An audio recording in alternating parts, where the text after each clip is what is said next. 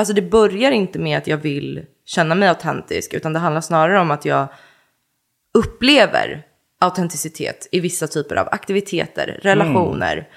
Eh, och det vill jag vara kvar i. Och sen så upplever jag att jag så ofta ändå hamnar i det här som är någonting annat. Och det, det är verkligen genuint kommer inte från en, en vilja att vara autentisk för att jag har hört att det är äkta. Utan mer så att jag observerar mig själv. Stunder där jag mår bra, då livet känns väldigt meningsfullt. Och sen de här stunderna när jag bara kör på och bara sover för lite och snusar och liksom eh, skiter i. Och så, du vet. Och bara den, den grejen, för att jag vet ju att det är liksom mitt ansvar. Men jag tycker också att man måste kunna få vara öppen med att säga att det är tuffare i ett samhälle som liksom emphasize och preachar ja, men, mycket alkohol och eh, vad det nu kan vara. Nu blir det sådana, så, men du fattar vad jag menar lite grann kanske.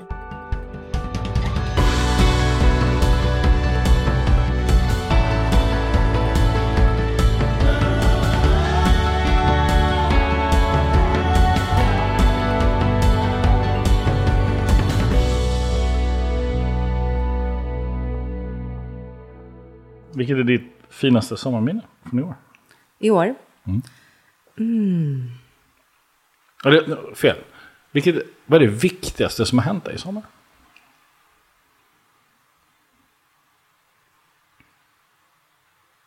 Oj, nu ska jag inte övertänka mitt svar här. Ehm, ett besked som, som gjorde mig väldigt glad, som är en viktig så, eh, kan man säga vägledare i mitt liv, är att jag kom in på en scenskola i Perth, Australien, som heter WAPA. Eh, som verkar vara ganska så märkvärdig internationellt, som inte var så lätt att söka till heller. Så det var viktigt för mig och stort ur ett prestationsperspektiv. Vad roligt. Så du ska flytta till Perth? Det börjar ju, de har ju ett annat kalenderår. Eh, Så den skulle börja i februari 2024. Och eh, jag har faktiskt tackat ja. Och tanken är att jag ska åka dit. Sen så är jag fortfarande så. Go with the flow, man vet aldrig vad som händer. Det är ett par månader kvar tills dess. Men eh, ja, det är väl tanken. Det är klart du ska dra till Perth, Australien. Så bor pappa där? Ja. Mm. Så det var därför jag sökte till den skolan. Men han är på väg därifrån nu, så det är ju lite dumt. Ehm, men eh, vi får se. Vad typiskt. Ja. Så varför sitter vi här? Ja, vi sitter här för att samtal alltid är, eh, tycker jag, spännande, givande att liksom eh, göra själv som person. Och kan man dela med sig och hitta saker i samtalet som, som eh, är viktigt för en själv, för den man talar med och för andra personer som kan lyssna. Då vi har sådana här privilegierade teknologiska saker som tillåter det, så tycker jag att ja, men det är självklart att man ska göra det.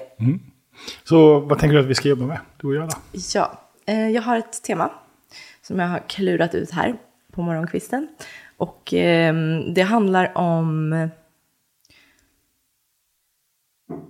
en värld som kan tyckas vara um, superficial på olika sätt. Och med det menar jag att vi liksom idag lever i mångt och mycket i en internationell, globaliserad värld som styrs av olika politiska krafter, ekonomi, eh, värderingar på olika sätt. Och, eh, och när jag säger superficial så menar jag allt ifrån teknologi som ingenting är svart eller vitt. Det är helt fantastiskt och innebär så mycket möjligheter å ena sidan, men innebär också kanske att vi i stort sett avhumaniseras ibland i hur vi väljer att möta varandra och hur vi jobbar och vi sitter på Zoom istället för att kanske vara liksom närvarande och fysiska i våra möten och på jobbet och allt där. Så igen, ingenting är svart eller vitt, men allting kan, kan dras till en spets som kanske för vissa personer kan upplevas som negativ. Um, Okej, vi ska se om jag kan reda ut här. Så min poäng är i, i en superficial world, vi kan bara kalla det det, och igen, det kan handla om teknologi, det kan handla om sociala medier, en bild av sig själv som man försöker liksom visa upp som kanske inte stämmer, det kan handla om vad vi köper för att ha ett fint yttre och så vidare. Så en värld som värderar vissa typer av saker eller fenomen. Och sen kontra då individen, den lilla människan som kanske jobbar mer inåt eh, med, och har ett, liksom, ett inre arbete, en inre värld där den ser och förstår vad som känns viktigt och meningsfullt. Och svårigheten i att fortfarande vara en del av den här världen och samhället eh, när man känner att, och jag kanske ska säga jag då, när jag känner att vissa eh, värdefulla aspekter av mig och i hur jag väljer att, att leva mitt liv inte värderas i samhället. Och hur kan jag vara sann mot mig själv i en värld som värderar saker som jag inte alla gånger tycker är så himla viktiga. Så om jag skulle säga det på engelska så skulle det vara How to be authentic in a fake world. För att dra till med ett eh, värdeladdat ord. Fake. Så. Utan att det alltid behöver vara fake, men ibland är det fake. Mm. Make sense? Autenticitet i en fake värld. Mm. Vad är en värdefull egenskap hos dig? En värdefull egenskap hos mig? Mm, jag tycker att eh, jag är nyfiken och eh, har väldigt lätt till ja, men pirr och bli taggad och liksom jag är väldigt driven och ambitiös och den nyfikenheten tar mig till massa olika platser, vilket jag tycker är... Så, så hur menar du att den inte får plats i en... Jo, men den får, den får nog plats. Så, men... så, så, så, då blir jag mer nyfiken på, så vad är det du upplever inte får plats? Ja, men jag kan uppleva ibland att den här nyfikenheten då, då kanske gör att jag väljer att lägga jättemycket tid på någonting som är viktigt för att man i samhället ska ha gått den vägen.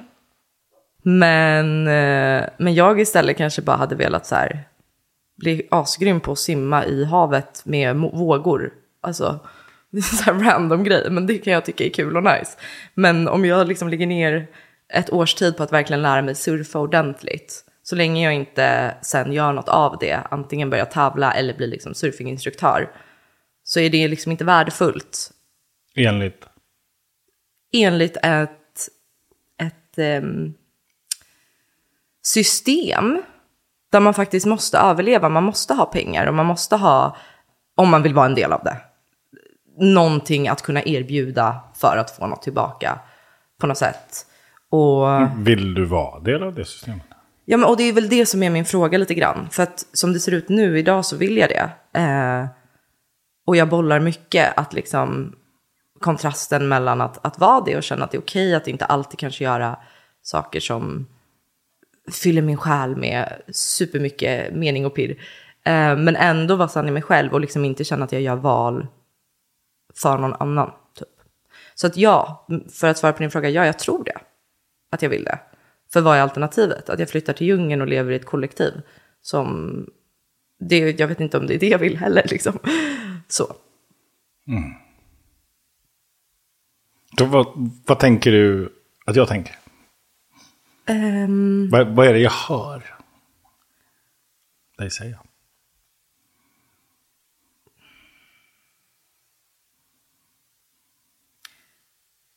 Jag vet faktiskt inte. Mm. Nej, du, du kan ju inte veta vad jag, vad jag hör eller tänker. Men Nej. vad tror du att jag hör när du pratar? Ja, men jag tror att den här frågan är ett sätt för dig att lära känna mig ännu bättre. För mm. genom mitt svar på vad jag tror att du tänker så säger det någonting om mig. Mm. Så därför är jag nog lite försiktig med att svara. Ja, och det är den försiktigheten jag är lite nyfiken på. Mm. Mm. Uh, för vem känner dig? Jag känner mig. Mm. Jag jobbar jättemycket med relationen till mig själv. Uh, vi har inte kommit så långt, men där kommer yogan in väldigt mycket. Det har varit mitt uh, liksom, främsta och är verktyg att eh, hela tiden jobba på relationen till mig själv och, och genom en fysisk liksom, asana practice eh, hitta in i kroppen och sen liksom en mer meditativ practice för att kunna sortera alla olika Men vem känner du dig? Ja men okej då. Jag, jag tycker att jag försöker lära känna mig själv i alla fall eh, och hitta nya saker hela tiden. Eh, och sen så tror jag också att man förändras i, nu försöker jag inte undvika din fråga, men jag ska svara nej. Men att man också är eh, liksom på olika resor i sitt liv hela tiden. Så att hur jag var igår är inte den jag är idag och så vidare. Och det tror jag också man behöver liksom vara ödmjuk och öppen för.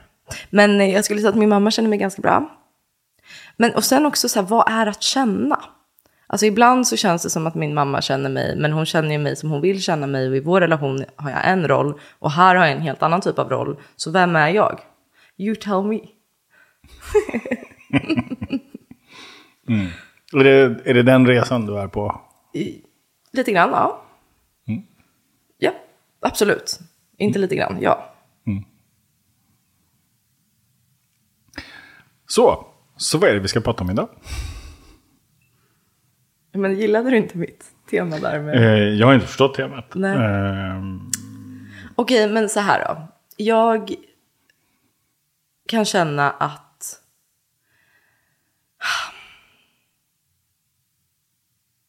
Ja. Jag liksom tycker det är härligt att leva och spännande och pirrigt och oftast kul och ibland inte kul, men det är okej. Ehm, men det här med mening och liksom ja, men hitta min mening typ. När jag många gånger känner att jag liksom lever på ett sätt som inte är 110% autentiskt för mig. Och jag känner mig ändå liksom, fast jag vet att det i slutändan bara är upp till mig att välja så känner jag mig väl låst i liksom, jag har en fråga. Om jag inte vet vem jag är, hur ska jag då kunna vara autentisk? men om, om jag upplever att, ja okej. Och om jag inte vet vem jag är, och går omkring och tycker att det är viktigt för mig att vara autentisk, vem är det som är fejk då? Är det jag eller världen? Ja, men jag, men jag tror att jag... Alltså det börjar inte med att jag vill känna mig autentisk, utan det handlar snarare om att jag upplever autenticitet i vissa typer av aktiviteter, relationer. Eh, och det vill jag vara kvar i. Och sen så upplever jag att jag så ofta ändå hamnar i det här som är någonting annat.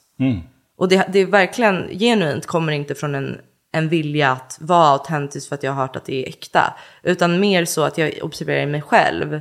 Stunder där jag mår bra, då livet känns väldigt meningsfullt. Och sen de här stunderna när jag bara kör på och bara sover för lite och snusar och liksom eh, skiter i. Och så, du vet. Och bara den, den grejen, för att jag vet ju att det är liksom mitt ansvar. Men jag tycker också att man måste kunna få vara öppen med att säga att det är tuffare i ett samhälle som liksom emphasize och preachar ja, men, mycket alkohol och eh, vad det nu kan vara. Nu blir det sådana, så, men du fattar vad jag menar lite grann kanske. Ja, du försöker. Ehm, jag, jag hör ju ett sökande. Eh, liksom, och, och jag tänker att det är ju som det ska vara. Eh, att, att livet är ju ett sökande. Eh, jag hör yoga, jag hör eh, sover för lite, jag hör alkohol, jag hör du ska till Perth, eh, träffa pappa, pappa drar. Ehm, jag blir nyfiken på vad det egentligen är du söker.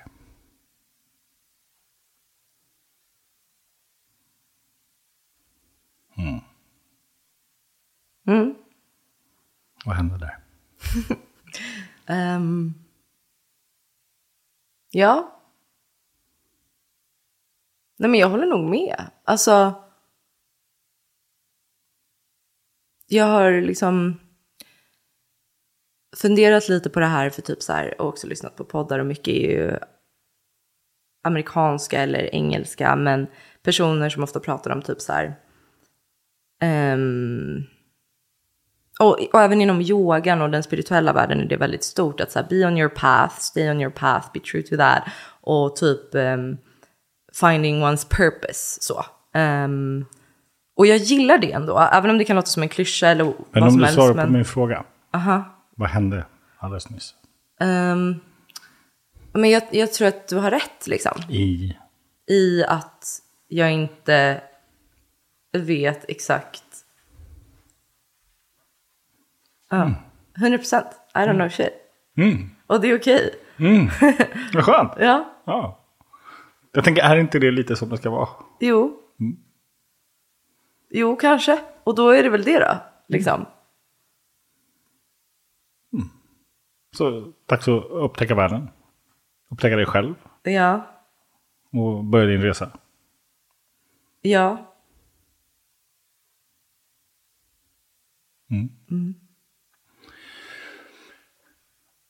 Så när du har hittat.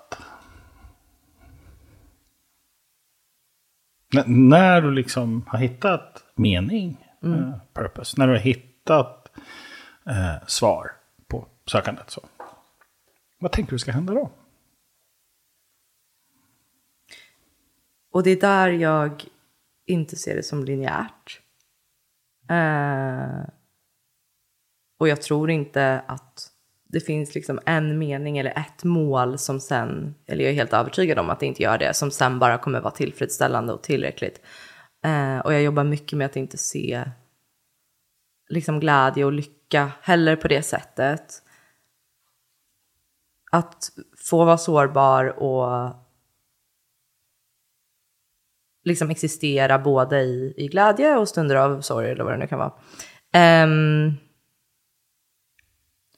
och det tycker jag ändå att liksom, det funkar för mig. Men... Ja, vad var din fråga? Det är helt okej. Eh, om jag omformulerar den, Ja. om det är okej. Ja. Ja, så säger jag så här. Så om det skulle vara så att ehm, om det skulle vara så att eh, du fick chansen att prata med din pappa om det här. Vad skulle du vilja säga till honom då? Förlåt, jag skrattar. Det var så roligt. Alltså, ja, det är någonting med pappor va? Eller? För det känns som att hela mitt liv, så fort jag sitter i så här, någon, någon form av terapisamtal eller ens med en lärare eller vad som helst, så kommer vi in på pappa. Undrar varför? Ja, fast samtidigt så här, jag, jag upplever genuint inte att jag haft några problem. Nu vet inte ens du hela bakgrunden.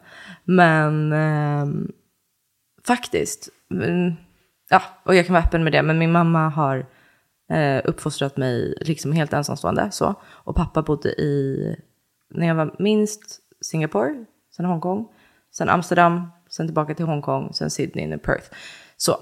Eh, och jag sa faktiskt att jag inte riktigt ville gå in på det här för att ibland så... Jag tycker att jag har bearbetat det, men man vet ju aldrig liksom. Eh, så. Men... ehm, mm, eh, En sak är att bearbeta saker, och fair enough. Eh, Men det vi bearbetar är ju också en del av de vi är. Så. Eh, ehm, och, så vad skulle du vilja prata, säga till pappa? Om det här? Mm, kanske fråga honom hur han har hittat tillfredsställelse och mening. Om han har det.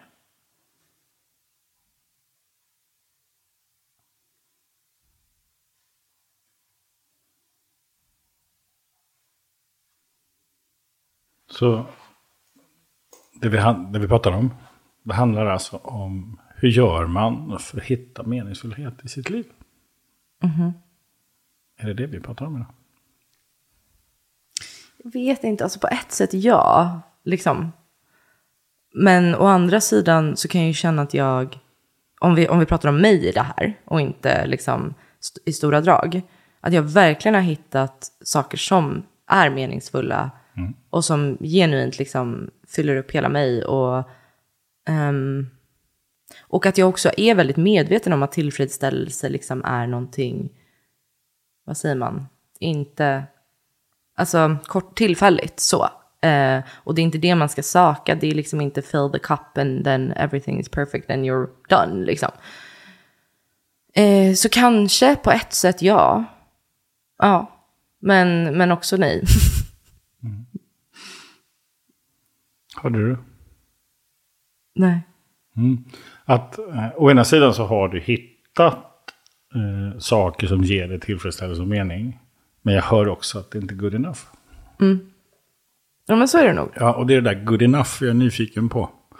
Eh, fint att du hittar yogan. Det är viktigt för livet och kroppen att få ihop balansen och allt det där. Magiskt. Fint att du hittar eh, skådespelandet. Att börja gestalta den du är och testa olika roller. Jag fattar den. Men jag är nyfiken på det där. Det där andra. Så vad är det du saknar? Så. Vad tror du? Ingen aning, jag, jag är inte du. Eh, Men jag, jag hör den. Eh, som vad det är, det är ju någonting som du behöver fylla. Och, och själv hitta svar på. Så vad tror du han skulle svara?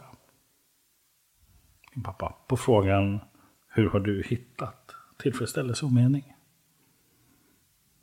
Jag tror han skulle svara att han inte har hittat det.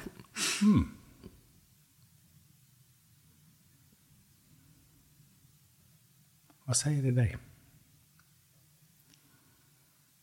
Ehm, ja, jag tror att vi som människor tenderar att liksom söka på olika sätt, fylla på olika sätt, känna någon form av liksom tillfredsställelse i, i det, men sen behöva mer hela tiden. Eh, och jag tror att det går att spåra dels biologiskt, liksom, för att det har varit en överlevnadsinstinkt innan vi hade det här fake-samhället.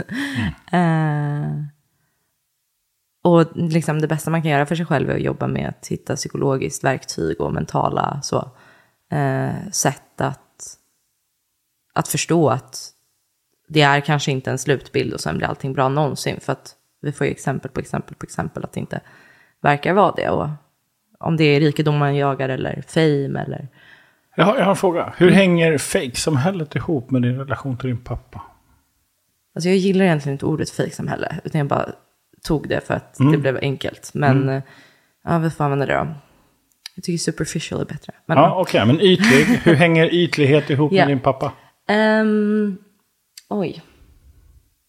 Ja, men jag tror att en, med ytlighet så menar jag väl kanske också det här eh, flyktiga. Flyktiga. Mm. Singapore, Hongkong, Mm. Amsterdam, Sydney. Flyktiga. Mm. Samtidigt som han skulle nog argumentera för att home is not a place. Så det handlar om vilka människor man är med och eh, att man skapar sig hem vart man än är. Och det kan ju liksom många som väljer en nomad livsstil till exempel säkert skriva under på. Eh, så. så ja, det kanske låter flyktigt och det kanske det är, det kan inte jag svara på. Men det kan också vara liksom bara en, en ganska detached liksom, approach till platser. Eh, så. Eller sin dotter. Mm. Eh, Så om du fick eh, säga någonting mer till din pappa, jag blir nyfiken på det. När du träffar honom i Perth. Du är på väg dit och ska gå teaterskola. Ja, men händer det då att han, att han flyttar därifrån och jag ändå är kvar så bara, alltså, ja, ändå liksom, gör din grej så, bara kärlek, det är, jag klarar mig. Verkligen. Vad skulle du vilja att han gjorde? Ehm, det han vill. Och vad skulle du vilja att det är att han vill? Nej, men det, det kan jag inte svara på. Alltså det, det måste, jag skulle inte vilja att han gjorde någonting som jag ville. Varför Liksom. inte det? För att då är det inte på riktigt. Och har andra Okej, mål så om man gör någonting som du vill, då är det inte på riktigt? Jo, om jag gör någonting som jag vill. Jag ska alltid göra det jag vill. och ingen ska men, säga åt mig men att om jag ska någon göra något annan annat. gör någonting Som jag, om den gör, för att du vill, Mm. då är det inte på riktigt. inte om den inte vill det. Mm. Men om den gör det för att den vill göra det. Liksom med vetskapen om att jag vill det. Och det är därför den gör det. Då är det jättefint. Då är Mm. det en gåva liksom. Men om den på något sätt tvingar sig själv att göra det för att jag vill det. Då är jag hellre utan.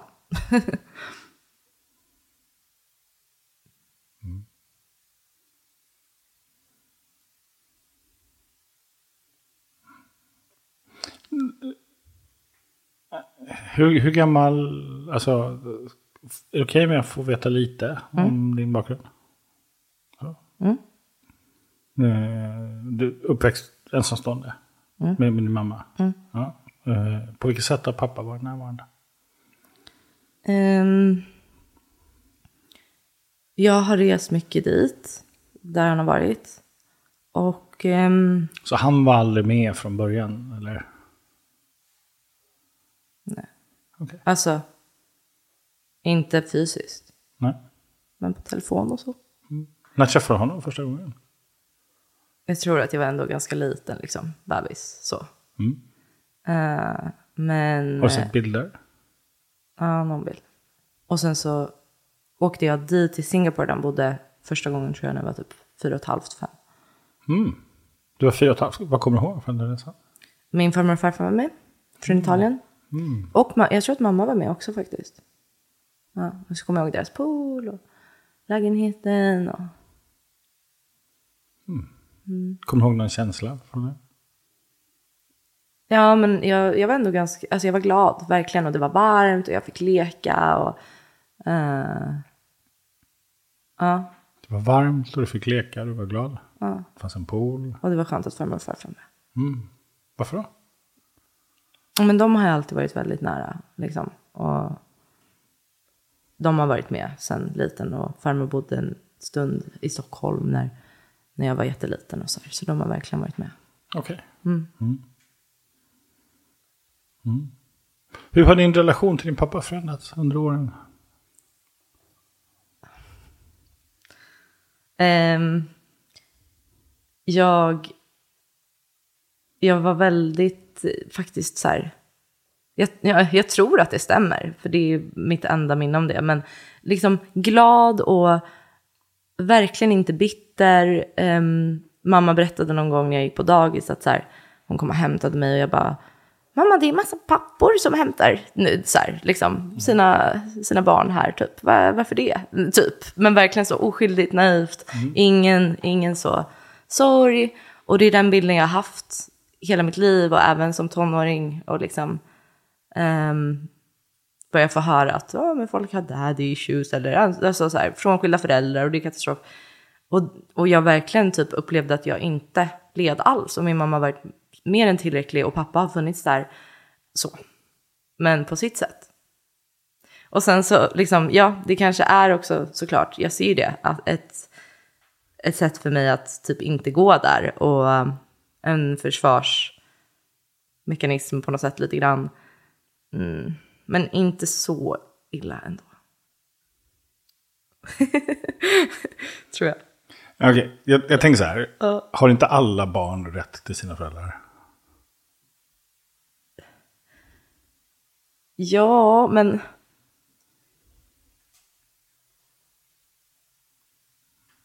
Man är ju bara människa liksom. Ja, absolut. Och, Och, och vi gör så gott vi kan. ja, Absolut. Men har inte alla barn rätt till sina föräldrar? jag vet inte. Tycker du det? Oh ja, absolut. Varför? Därför det är en del av att växa upp. Eh, och du har en relation till din pappa ehm, så som han är. Och så som det har varit. Eh, och det är det som är din relation till din pappa. Och den är sann för dig. Ehm, och det fyller en funktion för dig idag. Ehm, vad jag menar med det är, jag tror att eh, jag, jag tror att det är otroligt viktigt att man tittar på vem man har blivit och, och, och, liksom, och varifrån man kommer. eh, Och på vilket sätt det påverkar en i ens liv.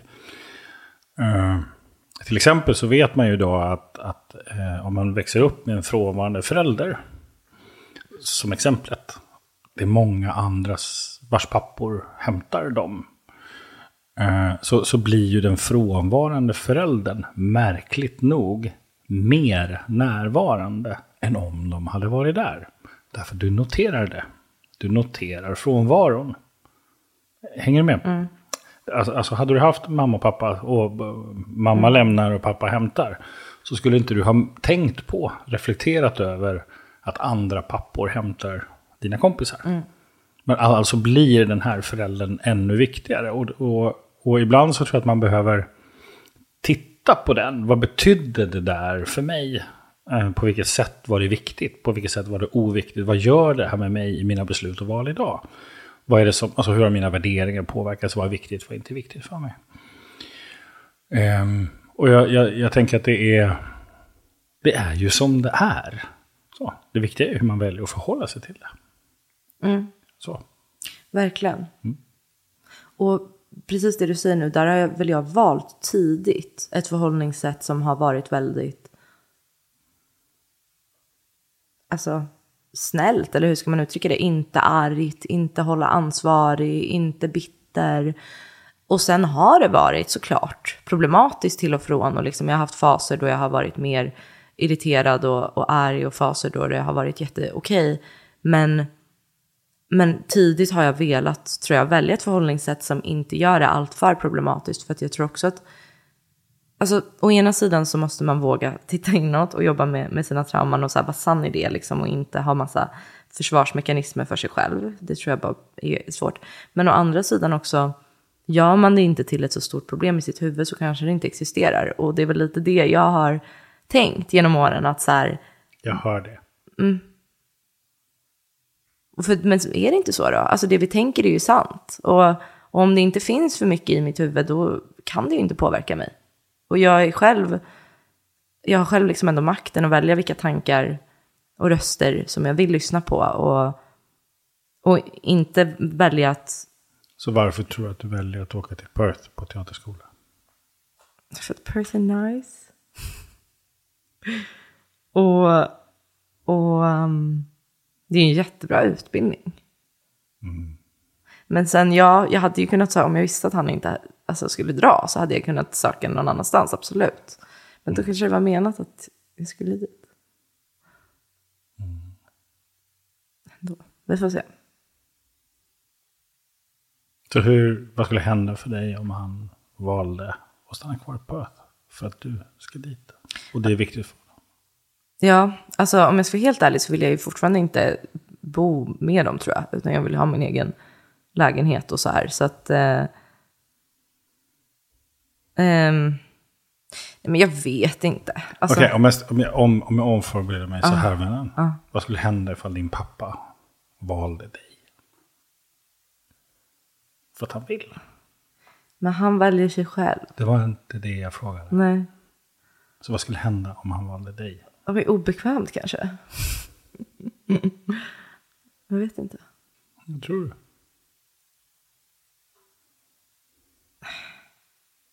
Nej men alltså det hade väl varit fint. Men jag vill välja min egen familj nu. Mm, som han. Precis som han gör. Ja, kanske. Mm. För jag tror, det här är också en sån viktig sak att, att börja förstå. Mm -hmm. Att det kanske faktiskt är så att ett sätt att vara med den där frånvarande föräldern är att göra precis som dem. Mm. Tänker om det? Mm. Absolut. Mm. mm. Du, mm. hur kommer det sig att du började med teater? Um, alltså, ja, men som liten var jag så. Teaterapan i rummet och älskade att klä ut mig och hitta på och eh, ha föreställningar på alla möjliga middagar och släktträffar och allt sånt. Eh, och gick på eh, teaterskola Eh, alltså sån här kursverksamhet på kvällar, liksom, två gånger i veckan. Eller något. Och sen så kom jag väl upp i liksom, tidigt tonår och började tycka att det var töntigt. Och mina kompisar i sjuan, åttan gjorde inte det. Och, så jag la av helt. Eh, och höll inte på så mycket. Jag dansade lite i gymnasiet. Och var med. Vi hade faktiskt någon sån, så här, för jag gick ett alltså, samhällsvetenskapslinje och eh, gick Blackebergs gymnasium eh, som var ganska så ändå akademiskt liksom. Det var ingen så, eh, vad säger man? Alltså kreativ, konstnärlig linje. Men då hade vi i alla fall någon eh, i svenskan. Alla elever i trean hade en, ett skådespel som man skulle gestalta någon så Shakespeare eller någonting. Eh, och då tog jag det jätteseriöst och eh, det var liksom, ah, vann något pris för bästa skådespelerska. Och då igen tror jag att någonting, jag bara, mm, just det, men jag tycker att det här är skitkul och nice liksom. Um, men eh, så pluggade jag, för båda mina föräldrar är akademiker. Så eh, det, var, det, har alltid varit viktigt med liksom, plugg och, och skola och betyg. Och, um, så jag började på universitetet och gjorde en kandidatexamen i marknadskommunikation, heter det.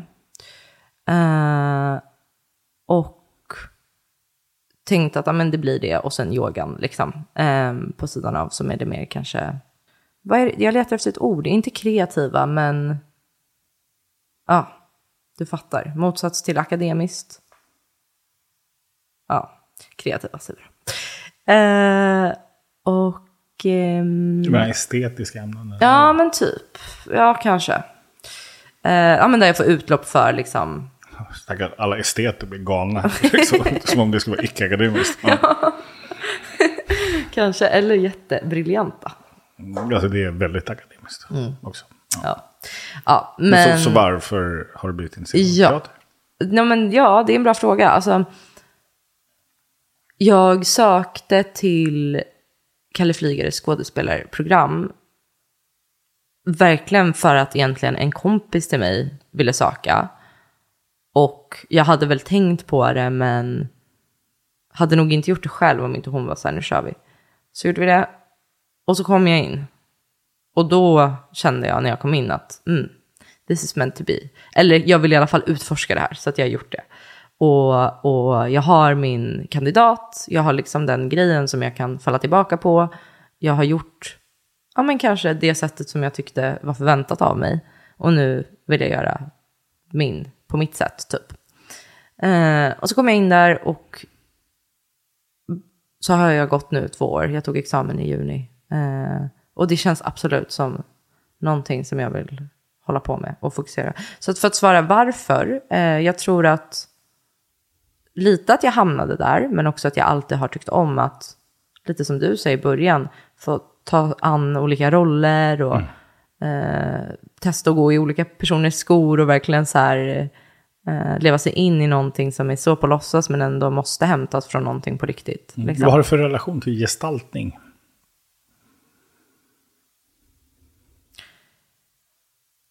Jag tror att för mig så handlar det om att eh, med mig själv gå in i en roll eller karaktär. Eh, men samtidigt vara så pass liksom observant och förmögen att distansera mig från mig själv så att jag till fullo kan ta mig an den här karaktären. Och sen med vetskapen att jag alltid på något sätt står där med mig själv. Men jag kan ändå liksom tillåta mig själv att, eller jag måste gå in i, i en tankebana som kanske inte alls är min egen från början för att förstå. Och, och det för mig är gestaltning tror jag. Luddigt svar, men uh, ja. Vad skulle hända om du gestaltade uh, en dotter? Som uh, åkte till Perth? Ja. Uh -huh. Det kan man göra. Och som möts av sin pappa. Hon vet inte om det. Hon hoppar av flygplanet. Och så står han där. Och då får hon kontakt. Plötsligt så får hon kontakt med det där som hon inte visste att hon faktiskt kände. Och har känt under hela sitt liv. Och så står han där på flygplatsen, hon ser honom och så går hon fram till honom. Och så bara släpper hon fram rubbet. Vad är det hon gör då?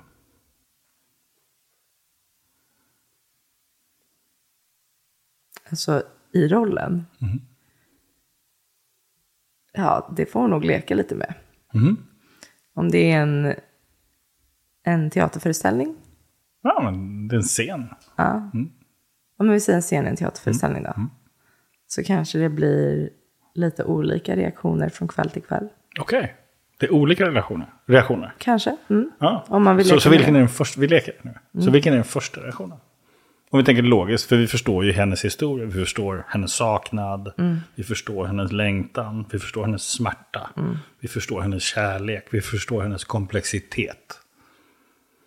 Så, så vad är, vad är liksom det första som kommer för att, för att alltså, publiken ska verkligen kunna känna relationen mellan dotter och pappa?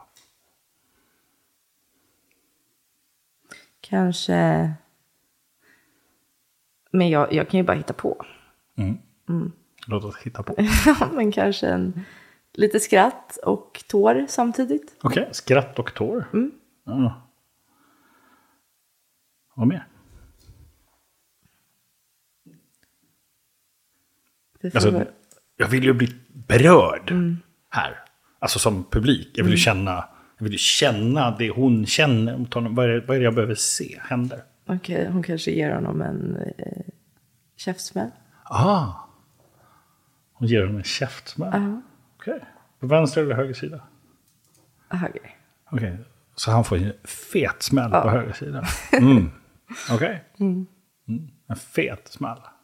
Och, och vad ser man i hennes ansikte då? Förvåning tror jag. Ja, Okej, så hon blir förvånad. Över, över att hon slog eller hur kraftig den var eller att hans näsa liksom blöder. Allt. Okej, hela situationen. Så hon visste inte att hon var arg. Nej. Okej, så hon är förvånad över sin ilska. Mm. Och vad händer precis efter det? Att hon är förvånad. Så hon är först arg, käftsmäll, så blir hon förvånad. Vad händer sen? Förlåt att jag började skratta. Men det här är ju då i karaktär. Alltså 110 procent. Eller hur? Fast vi kan inte sända det här om det inte är det. Oj, oj, oj, stackars min lilla pappa. Nej, gud. Nej, jag vet inte. Så först ett litet skratt. Så, en liten tår. Och sen en käftsmäll. Ja, men det skulle Så glädje. Ja. Så glädje, sorg och ilska. Mm. Kan, kan, kan, kan det stämma? Kan det vara det du liksom faktiskt känner också? ja. Men där tycker jag också, för du är ju ändå coach. Så. Så du kanske vill bena ut lite i alla fall. Alltså känslor, jag grubblar ofta över det. Vad, vad är det? Vad bottnar det i liksom, i slutändan? Och det finns ju massa olika teorier på det här. och så här. Hur tänker du kring det? För liksom om vi tar det här nu då, och ja, det handlar om mig och det kanske är så jag hade tänkt och känt då, oavsett om det är en karaktär eller inte, men liksom är det, är det ilska då, eller är det någonting, alltså är det skam? Förstår du vad jag är ute efter lite grann? Och sen det här, frustration kan bli skratt, kan bli glädje, kan bli upp och ner. Vad är det egentligen då? Om man ska t- prata i, i termer av känslor. Och vad är känslor för dig? Typ. Hur ser du på känslor? Hur, hur jag ser på känslor? Eh, Jag blir nyfiken på varför den frågan är viktig för dig. För att eh, jag tror att jag... Eh, det hade varit nice att ha ett eh, för, liksom ramverk bara. Inte för att det måste vara 100% sant, men jag känner mig lite lost i det själv. Att så här, Vad är känsla och vad är liksom ett tillstånd? Vad är fake och vad är på riktigt? Kanske. Så är vi tillbaka där vi började. tänk, tänk om det handlar om att, att faktiskt ta reda på det. Vad är det jag egentligen känner? Och vad är okej för mig att känna? Vad bör tillåta sig att känna? Du sa att du hade bearbetat det här. Nej, inte det här. Nej. Hur, hur, vad sa jag då? då? Ja, men det här med eh, liksom relationen till pappa, du har jobbat med det och sådär. Ja. Jag tänker att, att det kanske är dags att börja ta reda på dina känslor. Som, Men- en, men om som, en, han- vux, som en vuxen kvinna i relation till det här. Själv eller med honom? Vilket så. Men är det liksom svaret på allt? Alltså, jag tror jag började rebella redan när jag var liten. Jag bara, jag vägrar. Alla mina grejer som har kommit efter. Du har rebellat ganska hårt idag också. Ja. Men är det bara så? Alltså, jag vill vara mer än liksom relationen till min pappa. Mm, absolut. Det här du också? Men det var inte relationen till din pappa jag pratade om. Det är dina känslor kopplade till din pappa. Och manlighet och män. Men jag har jättebra relation till massa män i mitt liv. Och har mm. alltid haft jättebra killkompisar. Nära, trivts med killkompisar. Inte haft uh, liksom jobbiga faktiskt sexuella liksom så. Nu blev jag privat. Nej men faktiskt eh, tycker att jag ändå har gjort det okej. Såklart. Mm. Eh, Kom ihåg att jag sa att vi har rätt till eh, våra föräldrar. Vi har också rätt till våra känslor. Och ibland kan det vara viktigt att gestalta den här käftsmällen. Och känna på den och, och ta reda på hur viktig den är. Eh, så det betyder inte att du ska slå honom på käften och träffa honom på flygplatsen. Men det kan vara viktigt att faktiskt känna den ilskan. Och, och vara sann i den och vara ärlig med sig själv. Eh, och inte skämmas för att man känner så. Eller ge sig skuld för att man känner som man känner. Därför att vi har rätt till våra upplevelser. Vi har rätt till vår historia och hur vi förhåller oss till det. Framför allt när vi växer upp och när vi utvecklas. För ju äldre vi blir får vi fler perspektiv. Och så viktigt att titta tillbaka på det. Vad är det jag kommer med? Vad är det jag har att erbjuda mig själv? Liksom?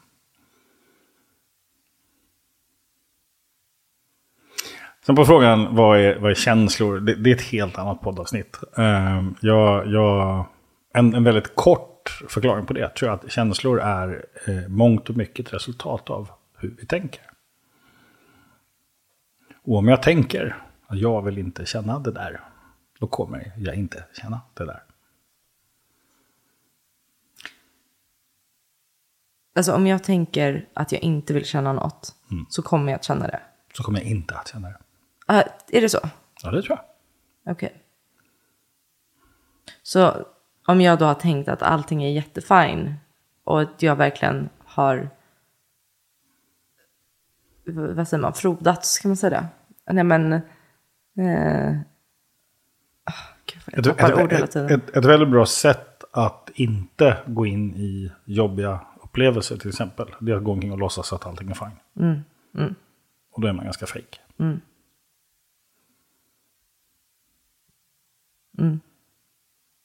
Köper det. Och att ett sätt att bli sann med sig själv är kanske att faktiskt börja prata om sig själv på riktigt. Och bli nyfiken på vad som poppar upp. Och börja öppna upp för det. Och då tror jag att en teaterskola är ett fantastiskt sätt att göra det på. Och träna och leka och busa. Och testa olika typer av känslor, tillstånd, reaktioner, upplevelser. Och ta reda på vad är sant och vad är inte sant för mig. Och och att börja hitta liksom, den egna identiteten det. Vi ska börja runda av. Eh, vad tänker du att vi har jobbat med idag egentligen?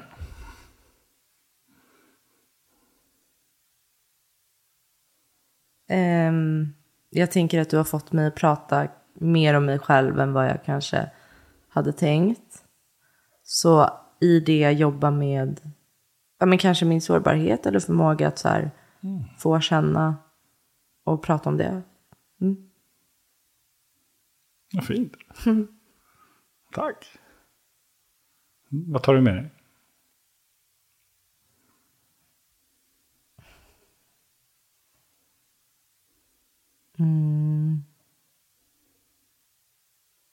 Ja, det jag sa nu tror jag. Att våga liksom låta det handla om mig själv, kanske. Mm. Fast det tar emot att säga det. Men Jag hörde det. ja, Vet du vad jag tar med mig? berätta. Eh, att vi har gått från yta till djup. Jag, jag pratade med min tjejkompis när jag cyklade hit. Jag bara, alltså jag vill inte att det ska handla om mig för mycket. Att det blir alldeles för privat. Att vi går någonstans där jag inte kanske har jobbat eller så här. Så att jag tar det här ämnet. Det är liksom, hon bara, ah, skitbra. Mm. ja, men det blev jättebra ändå såklart. Det blev som det skulle. Vad fint. Tack ska du ha. Tack.